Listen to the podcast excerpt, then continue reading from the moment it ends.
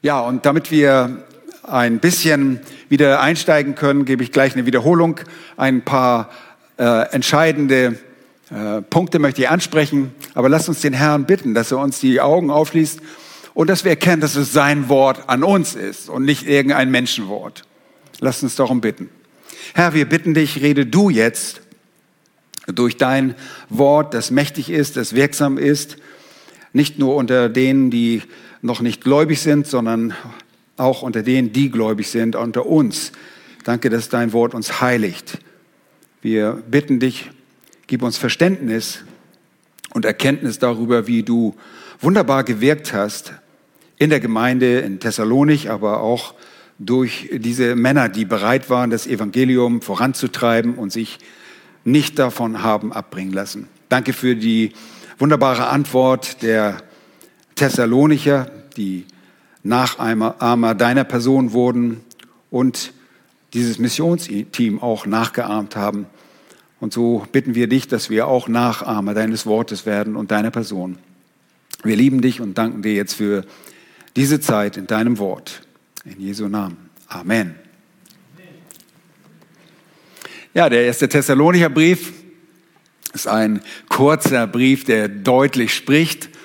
Und wir erinnern uns nur, dass dieser Brief jetzt im Nachhinein geschrieben wird. Paulus ist in Korinth und er äh, hat gerade die Nachricht bekommen von Timotheus, dass es den Thessalonichern gut geht. Die Thessalonicher, die er so äh, frühzeitig doch verlassen musste. Drei Wochen Dienst in der Synagoge, da flogen sie raus und es war wirklich eine sehr schwierige Zeit. Sie wurden sogar des äh, Volksverrates äh, beschuldigt und sie, äh, es ging ihnen nicht einfach dort, auch in den Monaten danach, in denen sie weiterhin dort evangelisierten. Ja, das Wunderbare dabei ist, die Gemeinde hat reagiert. Und ein positives Reagieren auf Gottes Wort ist immer auf die Gnade Gottes zurückzuführen. Und diese Gemeinde entwickelt sich auch weiter. Und später, ungefähr fünf Jahre später, lesen wir ähm, im zweiten Korintherbrief, wie Paulus die Gemeinden aus Mazedonien als Beispiel anführt für ihre selbstlose Liebe. Da heißt es im zweiten Korinther Kapitel 8, und es hat mit einer Geldgabe zu tun, die für die Hungerleidenden zusammengelegt wurde in Judäa, in Jerusalem. Und da heißt es ähm, in Kapitel 8, wir wollen euch aber, ihr Brüder, von der Gnade Gottes berichten. Seht ihr, die Gnade Gottes, die den Gemeinden Mazedoniens gegeben worden ist. Nun, wer gehört dazu? Philippi, die Thessalonicher und Beröer. Diese Gemeinden standen unter der Gnade Gottes. In einer großen Prüfung der Bedrängnis hat ihre überfließende Freude und ihre tiefe Armut die Schätze ihrer Freigebigkeit zutage gefördert. Denn nach ihrem Vermögen, ja, ich bezeuge es, über ihr Vermögen hinaus waren sie bereitwillig. Und sie baten uns mit vielem Zureden, dass wir die Liebesgabe und ihre Gemeinschaft am Dienst für die Heiligen annehmen sollten. Und sie gaben nicht nur so, wie wir es erhofften, sondern, achtet mal drauf, Vers 5, sondern sich selbst gaben sie hin. Zuerst dem Herrn und dann uns durch den Willen Gottes, so dass wir Titus zuredeten, dieses Liebeswerk, wie er es angefangen hatte, nun auch bei euch zu vollenden. Seht ihr, die schon gebeutelten Thessalonicher und die Philipper und die Beröer gaben über ihr Vermögen hinaus. Sie baten sogar die Apostel, ihre Begleiter, nehmt bitte diese Liebesgabe an, nehmt das mit, was wir zusammengelegt haben. Und so wird diese Gemeinde ein wunderbares Vorbild. Sie imitieren den Herrn selbst, aber auch diejenigen, die unter ihnen arbeiteten. Und heute kommen wir zu Kapitel 2. Im ersten Kapitel haben wir die große Dankbarkeit gesehen, die diese Männer, dieses Missionsteam für die Thessalonicher empfanden, weil sie so wunderbar regierten, äh, reagierten auf das Evangelium. Sie erinnerten sich konstant an das während ihrer Gebete, Dankgebete, erinnerten sich an das Werk des Glaubens, an die Bemühung der Liebe. Und das standhafte Ausharren in der Hoffnung auf Jesus Christus. Und dann erinnerten sie sich daran, dass sie wirklich Nachahmer des Herrn und Nachahmer dieser Männer geworden sind. Und das Thema, das ich aus Kapitel 2 schöpfe, ist eigentlich eine Fortsetzung von dem, was in Kapitel 1 geschehen ist. Ihr seid Nachahmer des Herrn und unsere Nachahmer geworden. Und jetzt zeigen diese Männer auf, worin diese Nachahmung besteht und wie diese Männer gehandelt haben, was sie ausgemacht hat. Grundlegende Merkmale eines geistlich effektiven Leiters ist das Thema. Es, daraus wird eine kleine Serie ein gültiges Muster für geistlich effektive Leiter. Dies ist Teil 1 und es gibt drei Teile dafür. Hier zunächst das Grundlegende, nämlich die Merkmale eines geistlich effektiven Leiters. Nun, wie komme ich da drauf? Schaut einmal in Vers 1. Da heißt es, denn ihr wisst selbst, Brüder, dass unser Eingang bei euch nicht vergeblich war. Ihr seht, der Eingang war effektiv. Es tat sich was. Es war eine geistliche Effektivität. Und warum das so war, das zeigt uns dieser Text jetzt auf in diesen ersten sechs Versen. Es geht noch darüber hinaus, aber die erste Predigt behandelt die grundlegenden Merkmale eines geistlich effektiven Leiters. Und als allererstes will ich den Text in der ganzen Länge in sechs Versen lesen. Da heißt es, denn ihr wisst selbst, Brüder, dass unser Eingang bei euch nicht vergeblich war, sondern obwohl wir zuvor gelitten hatten und misshandelt worden waren in Philippi, wie ihr wisst, gewannen wir dennoch Freudigkeit in unserem Gott, euch das Evangelium Gottes zu verkünden unter viel Kampf. Denn unsere Verkündigung entspricht, entspringt nicht dem Irrtum, noch unlauteren Absichten, noch geschieht sie im listigen Betrug, sondern so wie wir von Gott für tauglich befunden wurden, mit dem Evangelium betraut zu werden, so reden wir auch nicht als solche, die den Menschen gefallen wollen, sondern Gott, der unsere Herzen prüft. Denn wir sind nie mit Schmeichelworten gekommen, wie ihr wisst, noch mit verblümter Habsucht. Gottes Zeuge. Wir haben auch nicht Ehre von Menschen gesucht, weder von euch noch von anderen, obgleich wir als Apostel des Christus würdevoll hätten auftreten können. Soweit der Text. Grundlegende Merkmale eines geistlich effektiven Leiters. Die werden hier uns in diesem Text aufgezeichnet. Das erste Merkmal ist seine Beharrlichkeit. Seine Beharrlichkeit.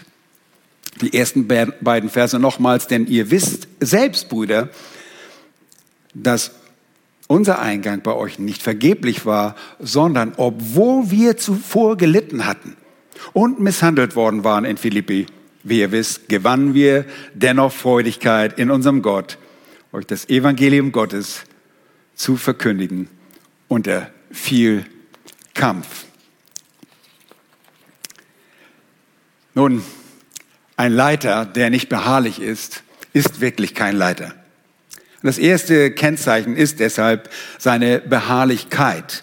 Die aus Antiochia gesandten Männer erlebten nach ihrem Eintritt in Mazedonien, ich wollte fast sagen eine Überraschung, aber es war keine Überraschung, denn der Auftrag, den Paulus damals erhielt, beinhaltete schon, er wusste genau, ich werde diesem Mann zeigen, wie viel er um meines Namens willen leiden muss, was er erleiden muss. Sie erlebten aber nach diesem Eintritt nach Mazedonien, nachdem sie dem mazedonischen Ruf gefolgt waren, eine schwere Zeit, weil sie als Verkündiger des Evangeliums auftraten als solche, die die frohe Botschaft sprachen. Und sie taten es trotz der Agonie, der vielen Kämpfe, der Schwerstarbeit und den begleitenden Umständen des Widerstandes.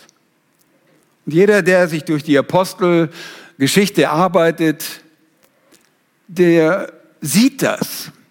Sie kommen nach Europa, sie kommen nach Philippi und dort werden sie nicht gerade mit Samthandschuhen behandelt, sondern diese Männer werden misshandelt. Sie werden im juristischen Sinne misshandelt, denn so hätten sie niemals hätten behandelt werden dürfen. Ohne ein Urteil, ohne einen Gerichtsbeschluss wurden sie zunächst geschlagen, und zwar deftig geschlagen, mit vielen Schlägen. Und sie kamen ins Gefängnis. Und das wurde hinterher auch bekannt, dass diese Männer auch römische Staatsbürgerschaft hatten. Und die Hauptleute, die für diese Verhaftung und die Schläge verantwortlich waren, die versuchten sich irgendwo daraus zu drehen. Aber Paulus sagte, nee, nee, nee, lass die mal kommen und äh, lass die mich mal hier rausführen aus dieser Stadt. Aber sie wurden wirklich miserabel behandelt. Und ich habe so gedacht, meine Güte, Beharrlichkeit ist für uns ja ganz einfach. Wir gehen zum Kiezfest und es regnet ein bisschen. Es war auch ein bisschen kalt, muss ich zugeben. Äh, aber Schläge, erstmal also richtig Prügel kriegen. Und so können wir uns vorstellen, Paulus kommt aus dieser Misshandlungsphase in Philippi. Und ihr wisst um die anderen Misshandlungen zuvor auf der ersten Missionsreise. Und deshalb auch bis zu dem Punkt in Philippi hat er seinen Leibarzt dabei. Aber kommt er nach, zu den Thessalonichern? Und vielleicht kommt er in einer gebeugten Haltung, wir wissen das nicht. Aber er spricht mit seinen Brüdern. Leute, wir machen weiter. Wir haben das herrliche Evangelium. Wir kennen die Lösung für die Schuld, die Vergebung der Schuld. Wir haben die Lösung für das ewige Leben. Wir kennen das Evangelium. Was sind denn ein paar Schläge? Oh, au, au, ah, was sind denn ein paar Schläge? Ja, könnt ihr euch vorstellen. Blau und grün kommen sie dort an. Und das wussten die. Denn ihr wisst selbst, Brüder. Ja, das konnte man anerkennen. Du kommst mit so einem schönen Blümchen im Auge an und kommst, hey, was ist das denn für ein Kneipenschläger, der da ankommt? Der kommt ja mit dem Evangelium an. Sie ließen sich einfach nicht davon abbringen. Sie hatten Ausdauer. Sie ließen sich nicht entmutigen. Sie beendeten nicht den Dienst und sagen, oh Mensch, weißt du was, ich kenne da einen guten Strand in Spanien. Vielleicht machen wir Strandevangelisation, so Strandkorbdienst und äh, da können wir auch noch so einen schönen äh, Cocktail dabei trinken. Nein, sie ließen sich einfach nicht abbringen.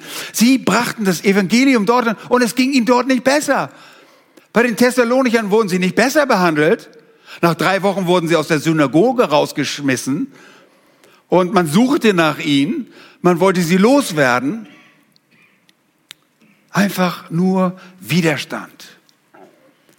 Sie packten nicht ihre Sachen, sondern erfüllten ihre Aufgabe an denen, zu denen Gott sie berufen hatte. Und das ist ein ganz wichtiges Merkmal im Dienst, bei der Stange zu bleiben und nicht sagen, oh, nee, mich will keiner, mich will keiner, ich hau ab sollen Sie doch mal, fahr zur Hölle. Ja, oder was weiß ich, was man den Leuten nachrufen kann, wenn man einfach wütend wird. Weißt du was? Diese Männer hatten Freude. Schaut mal, sie gewannen dennoch Freudigkeit. Und zwar in ihrem Gott. Denn er hatte sie beauftragt, dieses wunderbare Evangelium zu den Heiden zu bringen. Und ihr erinnert euch an die äh, Thessalonicher, sie wandten sich ab von den toten Götzen, von diesen komischen, selbstgemachten Figuren, die sie äh, anbeteten. Sie wendeten sich ab dem lebendigen und wahren Gott zu. Es ist einfach so wunderbar zu sehen, sie blieben ihrem Auftrag treu. Und der Auftrag steht sehr, sehr deutlich im Vordergrund. Sie kamen allem nach, trotz der rechtlichen Misshandlung, trotz der äh, körperlichen Misshandlung. Und da heißt es, und sie sagen das Evangelium, die Elberfelder übersetzt, das Evangelium Gottes zu euch zu reden. Und es ist das Evangelium, das diese Männer zuvor noch in Kapitel 1, Vers 5, unser Evangelium genannt haben, weil sie sich so sehr mit dieser Botschaft identifizierten. Die Weitergabe, das Bekanntmachen des Evangeliums war ihr Auftrag.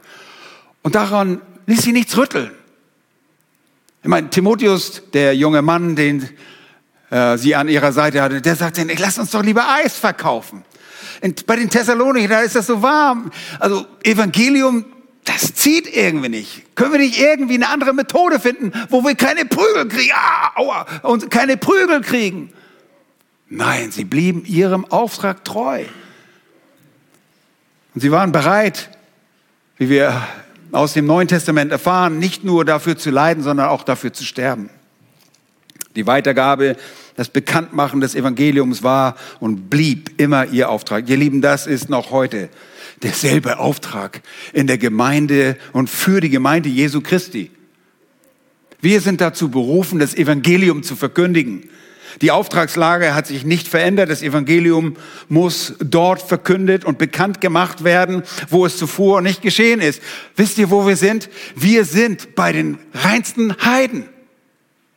Habe früher immer gesagt, ja, wenn so ein Manta fährt man heute nicht mehr, aber wenn so ein Auto fährt mit so einer äh, Rumsmusik da, bum, bum, bum, bum, bum. Ich sag, das ist wie in Afrika. Die haben genau, und die sehen auch so aus. Die Tätowierungen sehen genauso aus. Die sehen aus wie die Leute in Afrika. Die haben überall Ringe kleben, hier und da und, und äh, sind überall mit Metall bepflastert. Wir sind wie im tiefsten Afrika. Und die Leute kennen das Evangelium nicht. So wie ich diesen Buddhisten ansprach und sagte, sag mal, weißt du überhaupt, worum es im Christsein geht? Und da guckt er mich an die an und sagt, nee, ich weiß es nicht. Hey, dann kann ich dir das ja erklären. Und der Auftrag der Gemeinde Jesu, der an uns ergeht, an alle, nicht nur an ein paar Leute, die da eine besondere Ausbildung haben, sondern wir alle sind Berufene. Und er besteht nicht in der Einrichtung von irgendwelchen Krankenhäusern. Das ist eine tolle Sache, das könnt ihr machen. Aber das ist nicht das, was Jesus gesagt hat. Es ist nicht der Auftrag der Gemeinde Jesu, Bibelschulen zu bauen. Hat Gott, hat Jesus nie gesagt, geht hin und baut Bibelschulen. Nein, er hat gesagt, hey, geht in die Gemeinde. Das machen wir in der Gemeinde. Lieben wir deshalb keine Bibelschulen? Nein, aber das ist nicht unser erster primärer Auftrag. Es ist nicht der Auftrag Gottes für seine Gemeinde, die Welthungerhilfe zu leisten oder zu leiten. Es ist nicht der Auftrag der Gemeinde Gottes, die Friedensaktion dieser Welt zu stützen. Das steht nirgends. Steht da, verkündigt das Evangelium. Geht überall dahin, wo das Evangelium nicht bekannt ist. Es ist auch nicht der Auftrag der Gemeinde Jesu, den Weltklimawandel zu stoppen. Man ist doch wichtig, wie viele ertrinken wir sonst? Ich meine, wenn du das denkst, dann kennst du deine Bibel nicht.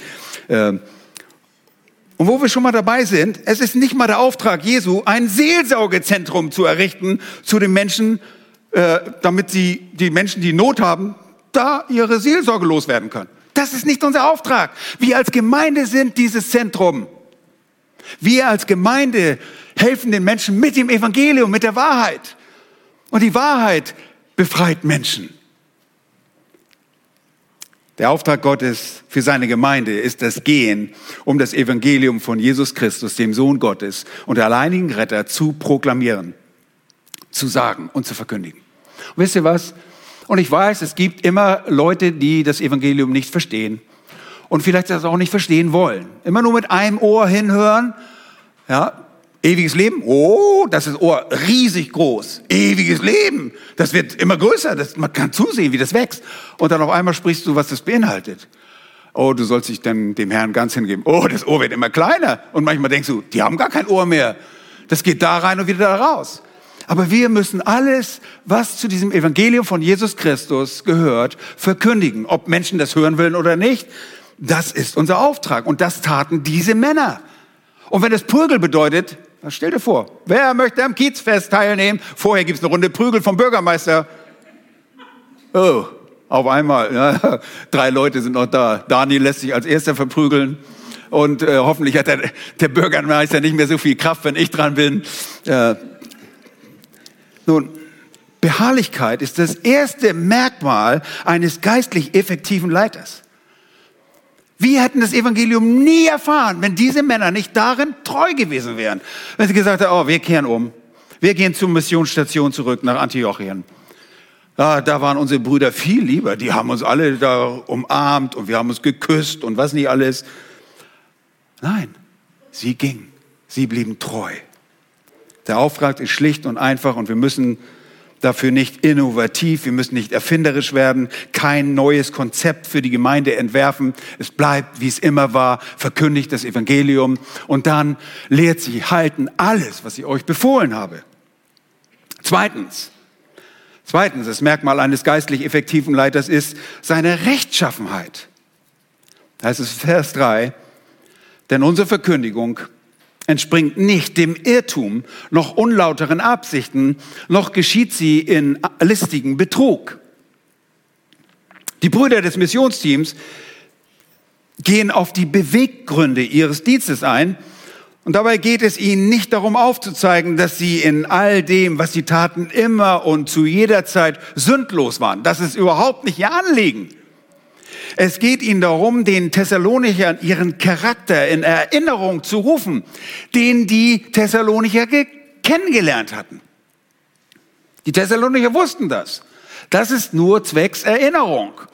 Und Einige sagen, vielleicht gab es irgendwelche negativen Stimmen, die äh, dieses Missionsteam angekreidet haben, so wie es bei den wandernden Philosophen der Fall war. Die taten das nur aus Eigennutz und, und ähm, die waren nicht aufrichtig. Nun, ein Charakter ist das, was das Wesen eines Menschen ausmacht. Diese Männer waren Männer nach dem Herzen Gottes, die der Herr für diesen Dienst der Verkündigung und Gemeindegründung auserwählt hatte. Und die Schlachter 2000 benutzt durchgängig Verkündigung, aber hier wurde das Wort Paraklesis verwendet. Es ist das Wort für das Mahnen, unser Mahnen, unser Ermutigen, unser äh, Ersuchen, unser Appellieren.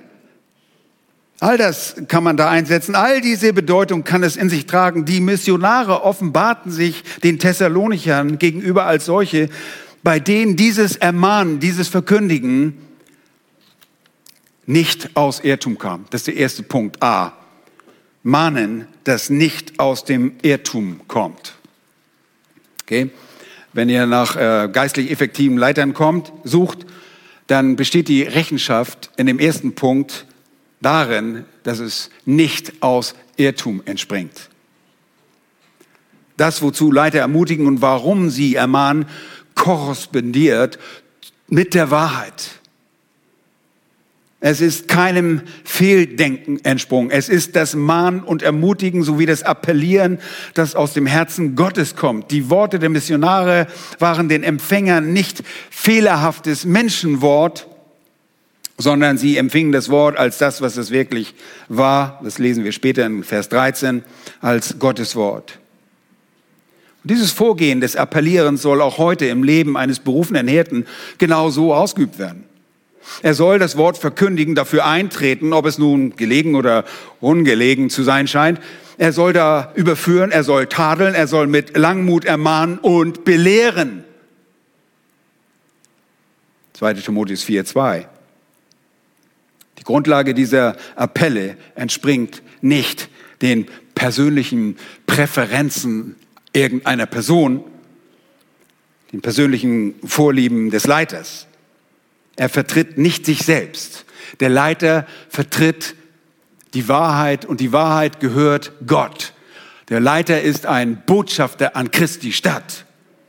Geistliche Leiter sehen sich als Botschafter an Christi Stadt. Und Paulus sagte an anderer Stelle im Korintherbrief, wir verkündigen nicht uns selbst, sondern Christus Jesus, dass er der Herr ist, uns selbst aber als eure Sklaven um Jesu willen.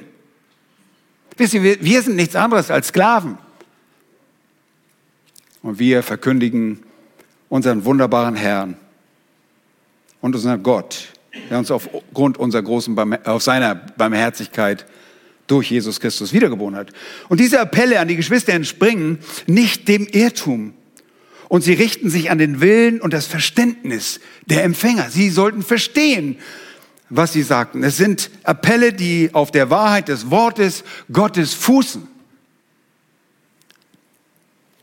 Sie stehen im Gegensatz zu den Lügen, die weit verbreitet werden, überall außerhalb der Gemeinde. Sie stammen nicht aus den Lügen einer menschlich konstruierten Philosophie. Ihr Lieben, das Mahnen eines geistlich effektiven Leiters entspringt nicht nur nicht dem Irrtum, sondern es ist gleichzeitig zweitens B, Mahnen, das nicht aus Unreinheit kommt. Mahnen, das nicht aus Unreinheit kommt.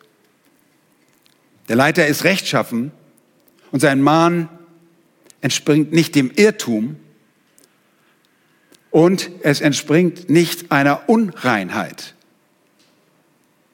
Sein Ermutigen und sein Ersuchen geschieht nicht aus der moralischen Unreinheit seiner Motive. Er sucht mit seinem Dienst nicht die persönliche Bereicherung. Er sucht nicht sexuelle Gunst und Hinwendung.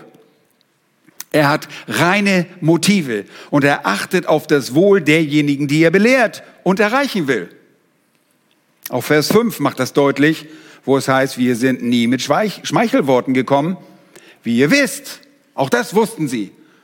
Nochmals, er blickt zurück, äh, beziehungsweise die, die drei Männer blicken zurück in ihrem Schreiben an die Thessaloniker. Ihr wisst das schon. Wir sind nicht mit Schmeichelworten gekommen. Wir sind auch nicht mit verblümter Habsucht oder mit einem Vorwand vor Habsucht.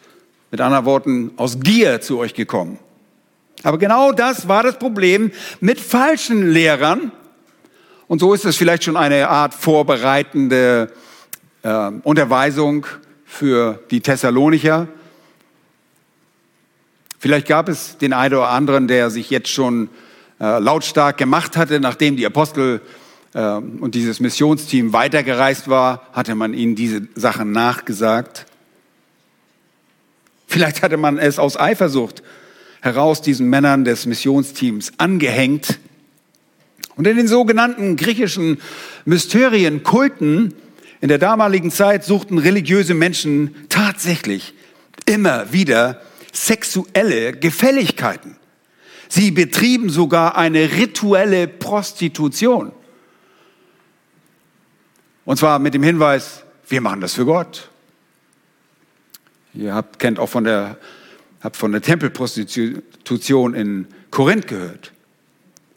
Und diese Dinge waren bei religiösen Menschen beliebt, so wie sie heute auch noch beliebt sind.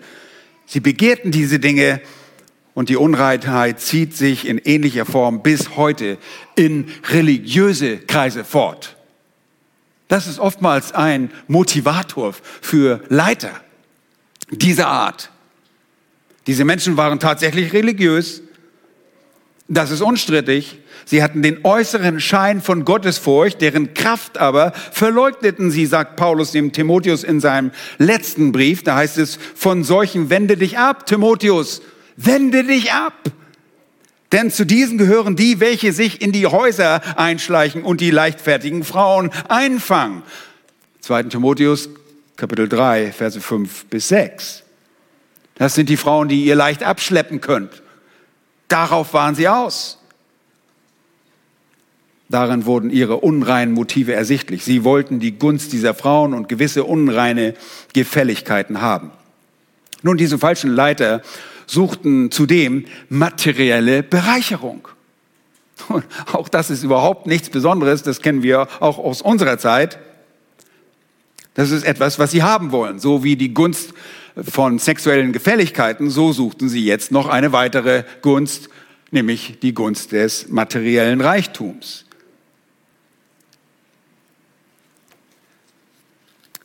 Paulus erinnerte Timotheus im ersten Timotheusbrief auch daran, dass Menschen mit verdorbener Gesinnung meinen, dass Gottes Furcht ein Mittel zur Bereicherung sei. 1. Timotheus 6, Vers 5. Solche Menschen sind unrein in ihrer ganzen Gesinnung. Unreinheit charakterisiert sie. Und genau das Gegenteil zeichnete diese geistlichen Leiter aus und zeichnet heute geistlich effektive Leiter aus. Er ist im Dienst, um Christi Reinheit unter Beweis zu stellen. Und wie sein Herr rein ist, so reinigt er sich von aller Besudelung mit Sünde. Reinheit ist es, was sein Leben wesensmäßig kennzeichnet. Dem jungen Begleiter im Team sagte Paulus immer wieder speziell, wie er, der, er mit diesen Situationen, in die er kommen würde, umgehen sollte. Nicht nur Paulus wusste, dass der Leiter nicht grundsätzlich frei von Versuchung, nicht frei von Sünde ist. Das sei ferne. Genau deshalb muss der geistlich effektive Leiter seinen fleischlichen Neigungen proaktiv entgegenwirken. Weil der Leiter eine reine Motivation besitzt und aus diesem Beweggrund heraus ermahnt, ermutigt und die Geschwister ersucht, etwas zu tun, soll er selbst den jugendlichen Lüsten entfliehen. So die Worte des Timotheus in Kapitel 2, Vers 22. Wir kennen alle Vers 2, aber hier machen wir noch eine 2 dran. Flieht den jugendlichen Lüsten. Diese Männer des Missionsteams und Vorbilder für einen geistlich effektiven Leiter ersuchten die Thessalonicher nicht mit Worten, die aus Irrtum standen, sie ersuchten sie nicht aus moralischer Unreinheit. Und dritter, drittens, und gewissermaßen ist das ein argumentiver Klimax oder äh, ein Höhepunkt, ähm, geschah ihr Mahn nicht aus List heraus. Ohne Irrtum und Unreinheit ist List nicht möglich. Die Rechtschaffenheit besteht drittens in einem Mahn, das nicht aus einer List, aus einer betrügerischen List, würde ich sagen, kommt. Das ist nochmals, unsere Verkündigung spricht nicht dem Irrtum, noch unlauteren oder unreinen Absichten, noch geschieht sie im listigen Betrug. Paulus, Silvanus und Timotheus, die besaßen keine versteckte Agenda und schon gar nicht eine bösartige Absicht war ihnen völlig fremd. Sie suchten niemand zu verführen oder in die Irre zu führen, sie zu täuschen, weil sie etwa ein versteckten Schlachtplan der Bosheit in ihren Hinterköpfen hatten.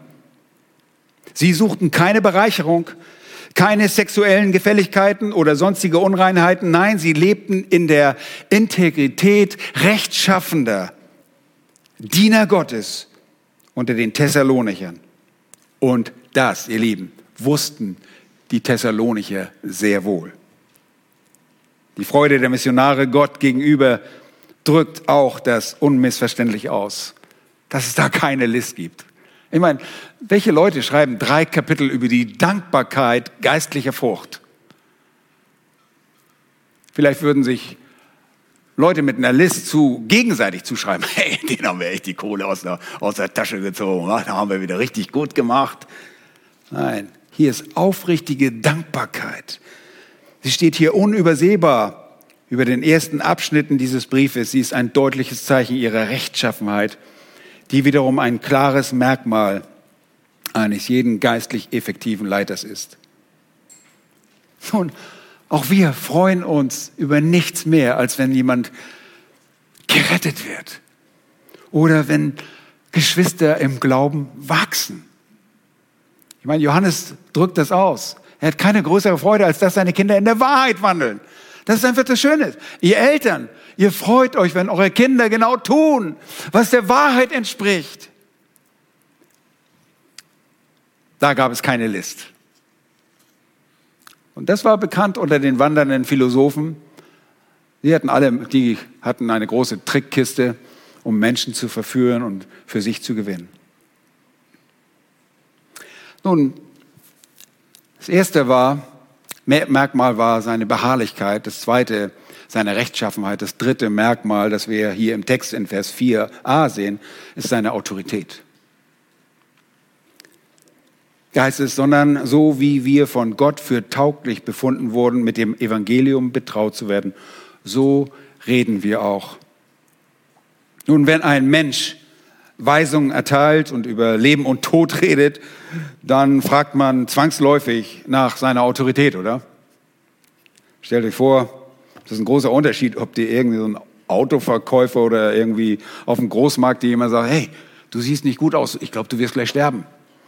Als wenn du aus einer Arztpraxis kommst, dein Arzt dich gerade untersucht hat und hast, sie haben nicht mehr sehr lange zu leben. Du fragst den, diesen Autoverkäufer, was, was ist denn deine Autorität? Was, wer, wer, wer lässt dir das denn? Oh, woher weißt du das, dass ich sterben werde? Nun, Gott gebrauchte diese Männer nicht, weil sie nur menschliche Fähigkeiten besaßen, sondern weil Gott sie dazu beauftragte, seine Botschaft weiter zusammen. Gott betrachtete diese Männer als geeignet, geistlich geeignet. Deshalb sind sie geistlich effektive Männer. Hier geht es nicht um irgendwelche Zahlen, es geht nicht darum, wie groß ihre Gemeinden wurde oder sonst irgendwas, sondern sie waren, verhielten sich geistlich.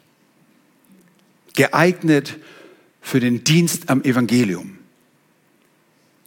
Und er betraute sie mit der Botschaft, die über das ewige Schicksal eines Menschen entscheidet. Ich meine, ein bisschen an dem Evangelium drehen und schon verpredigst du ein Evangelium zu deinem eigenen Verderben. Petrus greift das mal auf, dass die Unbelehrten und Unkundigen das, die Worte verdrehen zu ihrem eigenen Verderben. Menschen müssen geeignet sein. Und so wie er diese Männer berief und sie mit dem höchsten Gut betraute, dem Evangelium der Rettung, durch seinen Sohn, so lebten diese und redeten diese Männer entsprechend in der von Gott verliehenen Autorität. Gott hat sie berufen. Und denkt ihr, das vielleicht, das ist ja einmalig. Das passiert ja heute überhaupt nicht mehr. Oh doch, das passiert immer noch so. Ein geistlich effektiver Leiter, er ist sich seiner eigenen Schwachheit und Unwissenheit bewusst. Wir wissen aus uns überhaupt nichts.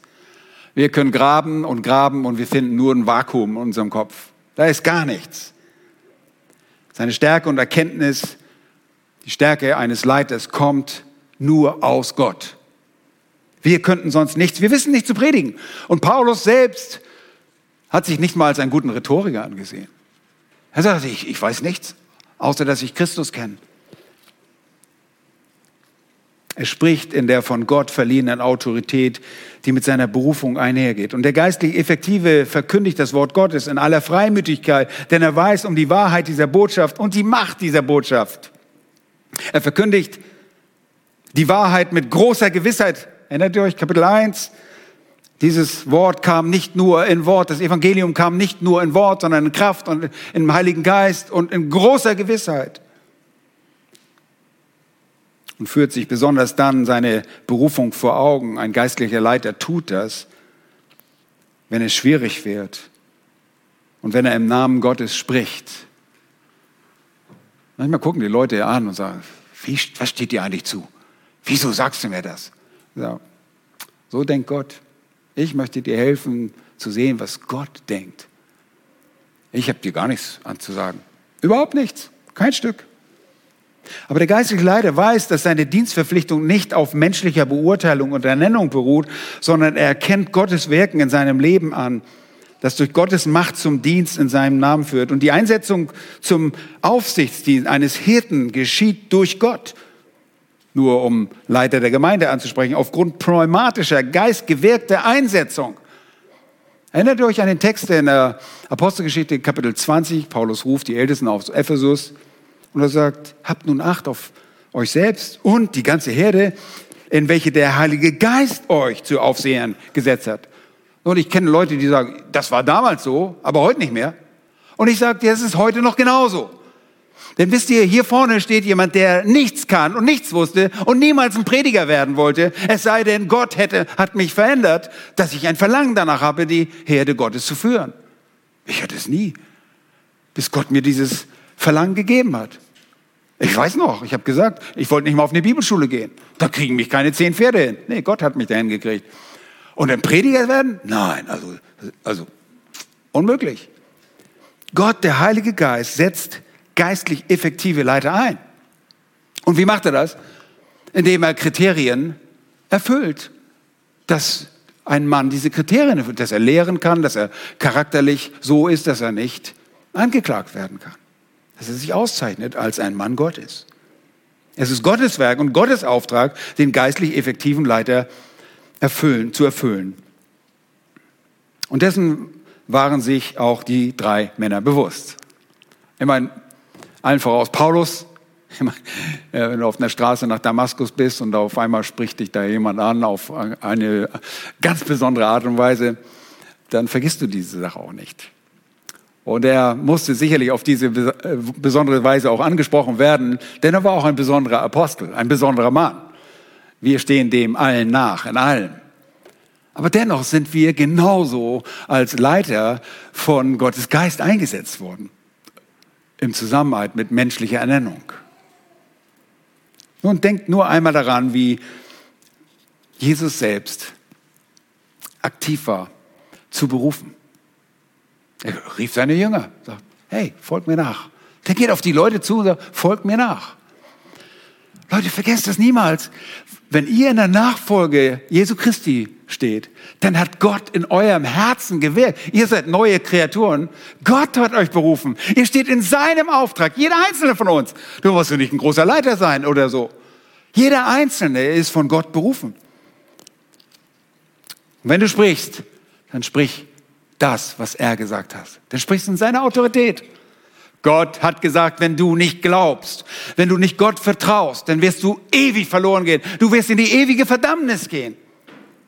Sagen wir das mit Zweifel? Sagen wir, ah, ich kann mir das schlecht vorstellen, das ist ja richtig unfair, wenn wir da Menschen in der ewigen Hölle sehen. Das hat nichts damit zu tun, was du oder ich fühle, sondern das, was Gott sagt. Und deshalb erzählen wir euch nicht Geschichten zur persönlichen Belustigung.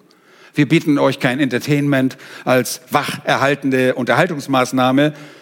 Und deshalb mahnen und ermutigen wir euch bereits früh, auch euren Kindern die Ehrfurcht in Bezug auf die Versammlung seiner Heiligen beizubringen.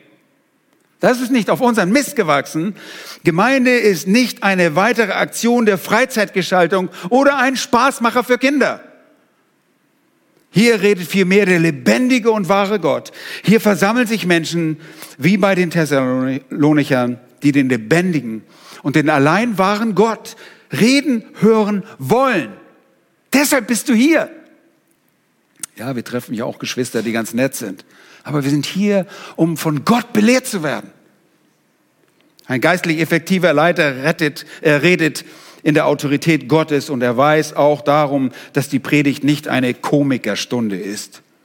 Und ihr Lieben, deshalb gibt es für einen geistlich effektiven Leiter nebst seiner Beharrlichkeit, seiner Rechenschaft, ähm, Rechtschaffenheit und Autorität auch viertens seine Rechenschaft.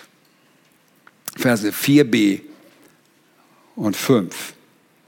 Also nach Vers 4 heißt es so, reden wir auch, kommt in Vers 4b, denn wir reden nicht als solche, die den Menschen gefallen wollen, sondern Gott, der unsere Herzen prüft. Denn wir sind nie mit Schmeichelworten gekommen, wie ihr wisst, noch mit verblümter Habsucht. Gottes Zeuge. Es gab keine Menschengefälligkeit, sondern Gottgefälligkeit bei den Gründern der Gemeinde in Thessalonik. Heute wird es oft gesagt und gelehrt, dass für das geistliche Wohl und für den geistlichen Werdegang eine Person, eine weitere Person als nahestehender Rechenschaftspartner erforderlich ist. Du kannst ja auch gar nicht wachsen. Du hast ja niemanden an deiner Seite. Ja, lasst uns vorsichtig sein. Es ist ganz schön, wenn wir Brüder an der Seite haben oder eine Schwester, ihr als Schwestern, die euch ermutigt, aber das ist nicht ganz richtig, wenn wir sagen, wir müssen jemanden an unserer Seite haben. Wir brauchen Gott, den wir mehr kennenlernen müssen. Ein Menschen, menschliches Gegenüber mag sicherlich dich anspornen und die Schrift hat uns auch in eine Gemeinde gestellt. Wir sind zusammengebunden in einer Gemeinde. Äh, wenn das nicht so wäre, wenn das nicht so wichtig wäre, dass wir Geschwister hätten, dann hätte er gesagt, okay, jeder für sich, jeder dreht so sein eigenes Ding zu Hause und so. Aber wir sind in eine Gemeinde zusammenberufen, damit wir einander ermutigen. Aber die Rechenschaft, die geben wir Gott gegenüber, denn er sieht unsere Herzen. Wisst ihr was? Ich kann irgendeinem Menschen, die kann ich die Hucke voll lügen und der denkt, oh, das ist ja ein ganz netter Mann. Aber Gott kann ich nichts vormachen. Ich finde immer irgendwelche Ausreden.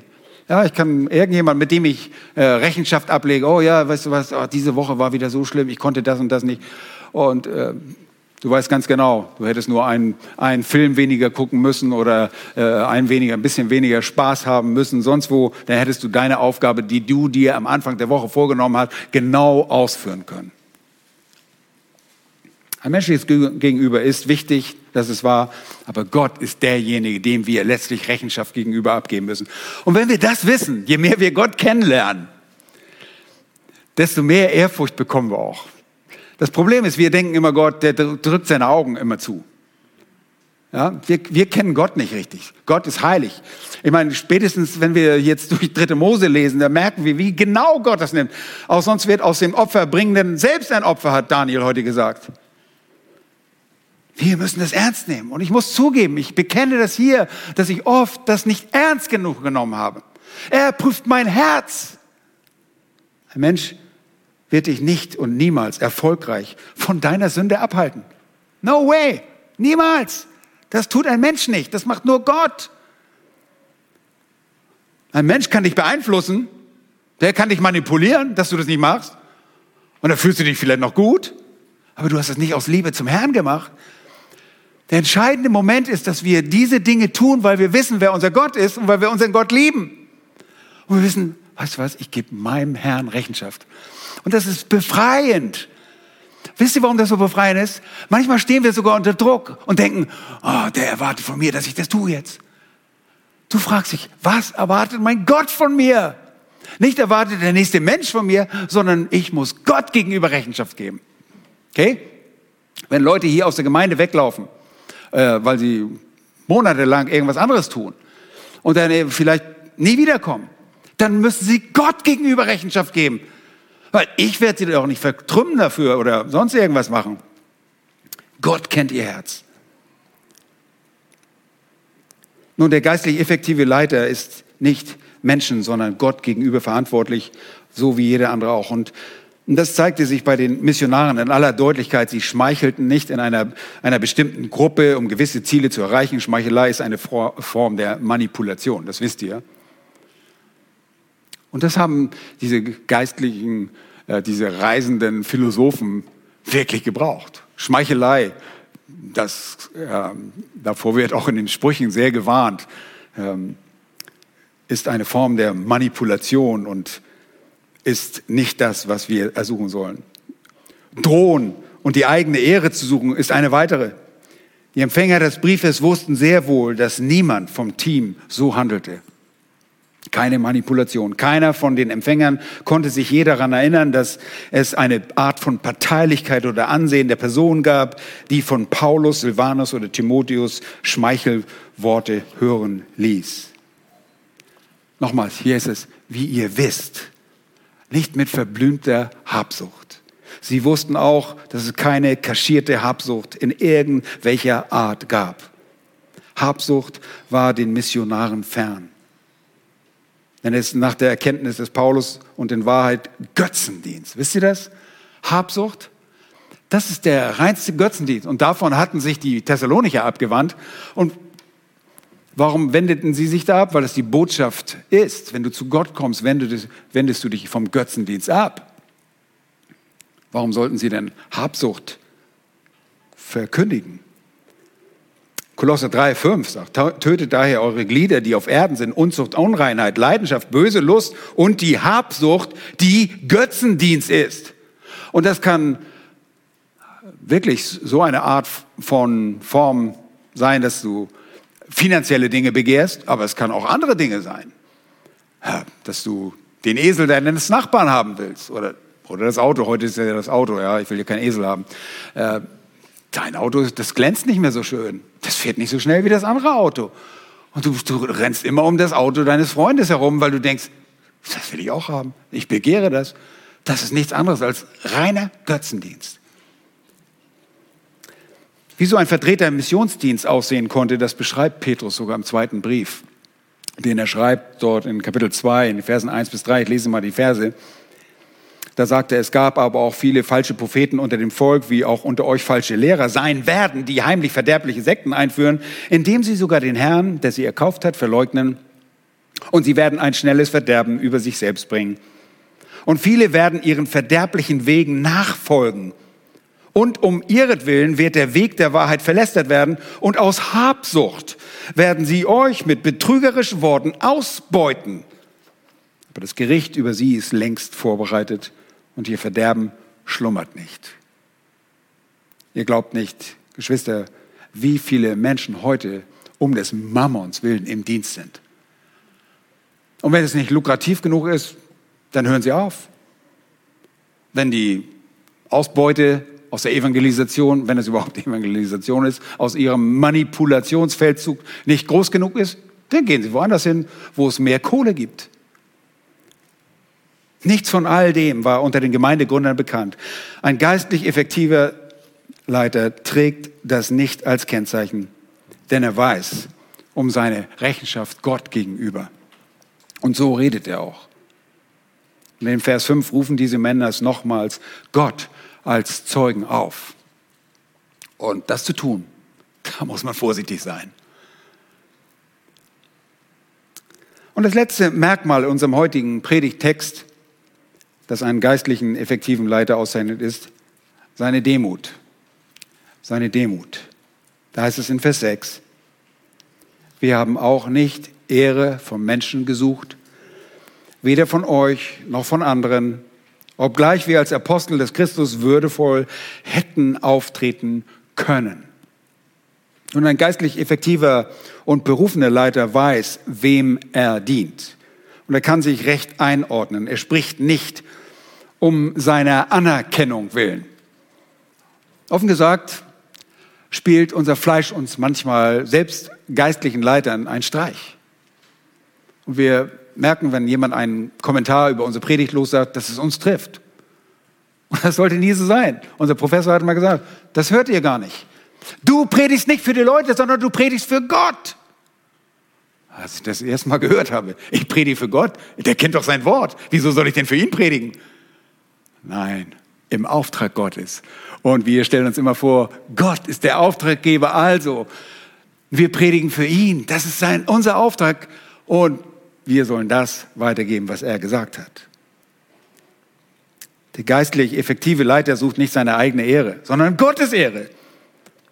Und obwohl die Männer aufgrund dieser besonderen Berufung durch den Herrn Jesus, und hier ist ein Plural für Apostel, obwohl Silvanus eigentlich ein, ein Prophet ist, vielleicht ist es stellvertretend für alle Apostel, äh, die ähm, Paulus hier darstellt, aber äh, sie sind assoziiert mit dem Apostel. Paulus war bestimmt derjenige, der das schwerste Gewicht hat und mitbrachte in seiner Lehre. Deshalb reden auch, ihr habt das gemerkt, ich rede oft nur, der Apostel Paulus hat gesagt, obwohl das drei Männer sind. Aber sie waren solche, die hätten würdevoll auftreten können. Hätten gesagt, weißt du was? Jesus selbst hat mir den Auftrag gegeben. Wer bist du denn? Was? Du hast es nur von Petrus gelernt? Ich war eine Stelle näher dran. Ich bin ein bisschen näher dran an ihm. Demütig sind sie, indem ihre eigene Person in den Hintergrund tritt. Bis zu dem Punkt, wo sie gezwungen waren, ihr Apostelamt zu rechtfertigen. Und das sahen sie als eine törichte Angelegenheit an. Paulus zumindest sagte, oh, ich muss töricht reden. Aber ihr seid so. Ihr zwingt mich dazu. Ich muss euch zeigen, was mir alles passiert ist. Ihr müsst sehen, ich bin ein Apostel Jesu Christi. Und er stellt sich in diesem Brief nicht mal als Apostel Jesu Christi vor. Später tut er das, weil sein Apostelamt immer wieder angegriffen wird. Aber hier geht es nicht um diese Missionare. Es geht und ging heute auch nicht um irgendeinen Menschen, sondern es geht um den lebendigen Gott und seine Rettung von Menschen, die ihm wiederum die Ehre bringt. Oh, wie gerne möchten wir mitwischen und sagen, oh ja, ich habe den zum Glauben geführt, wisst ihr was? Du warst ein Instrument, aber Gott hat Gnade erwiesen. Wie oft bringen wir uns ins Gespräch, wie toll wir waren. Oh, Herr, vergib uns unseren Stolz. Immer wieder spricht auch unser eigenes Fleisch und drängt sich da rein und will. Ich kann hier von der Kanzel gehen und denke, oh, das war, ich war ja richtig gut heute. Ähm. Aber so, so verkorrupt sind, ist unser Fleisch, ist es nicht so? Paulus mahnt im, im Epheserbrief, ihr Sklaven, gehorcht euren leiblichen Herren mit Furcht und Zittern in Einfalt eures Herzens als im Christus, nicht mit Augendienerei, um Menschen zu gefallen, sondern als Sklaven des Christus, die den Willen Gottes von Herzen tun. Dient mit gutem Willen dem Herrn und nicht den Menschen. Oh, es geht oft so viel einfacher, wenn irgendjemand guckt dir zu in deiner Firma und du bist ganz zuverlässig und arbeitest treu, aber wenn der Chef weg ist, dann tanzen die Mäuse auf den, oder wie sagt man, ja, auf den Tischen, ne?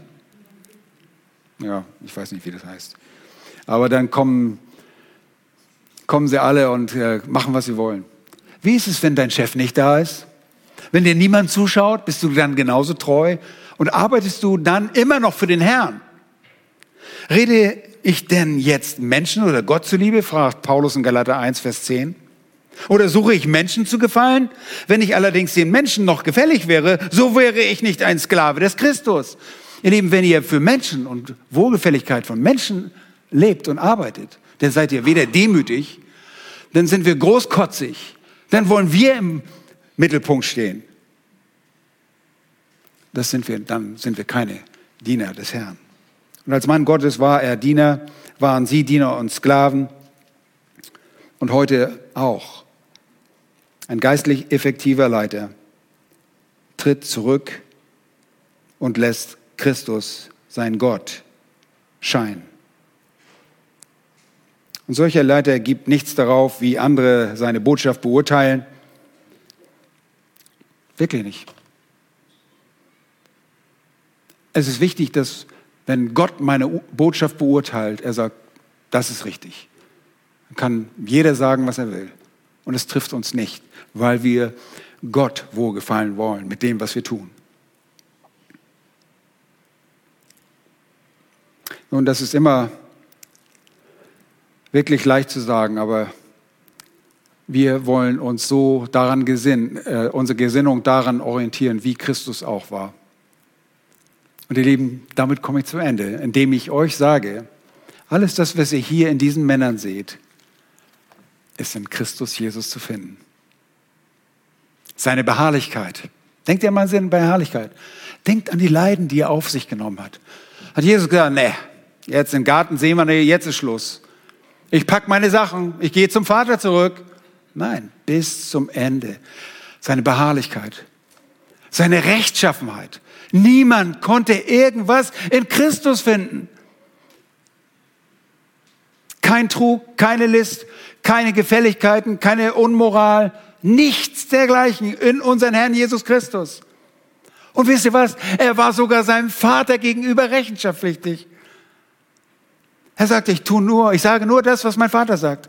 Und die Werke, die ich tue, das sind meine Vaters Werke. Der kam nicht auf die Idee und hat gesagt, ich werde jetzt mal ganz innovativ, ich erfinde was ganz Neues, ich werde meinen Vater überraschen, der wird sich ganz schön wundern. Nein, er tat es nicht. Seine Rechenschaft und seine Autorität besaß er auch. Er, ihm wurde alle Autorität übergeben. Und er war überaus demütig. Ist es nicht so? Unser Jesus Christus ist unser ultimatives Vorbild.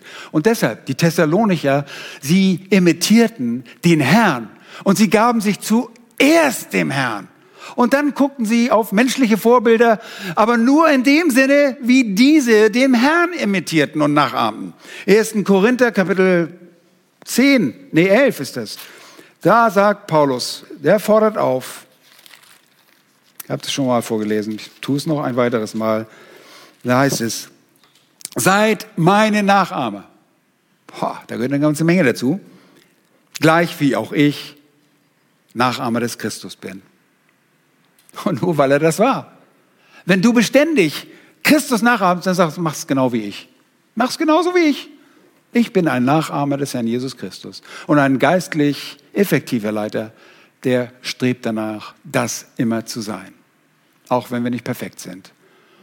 Und dafür bete ich auch, dass ihr das seid.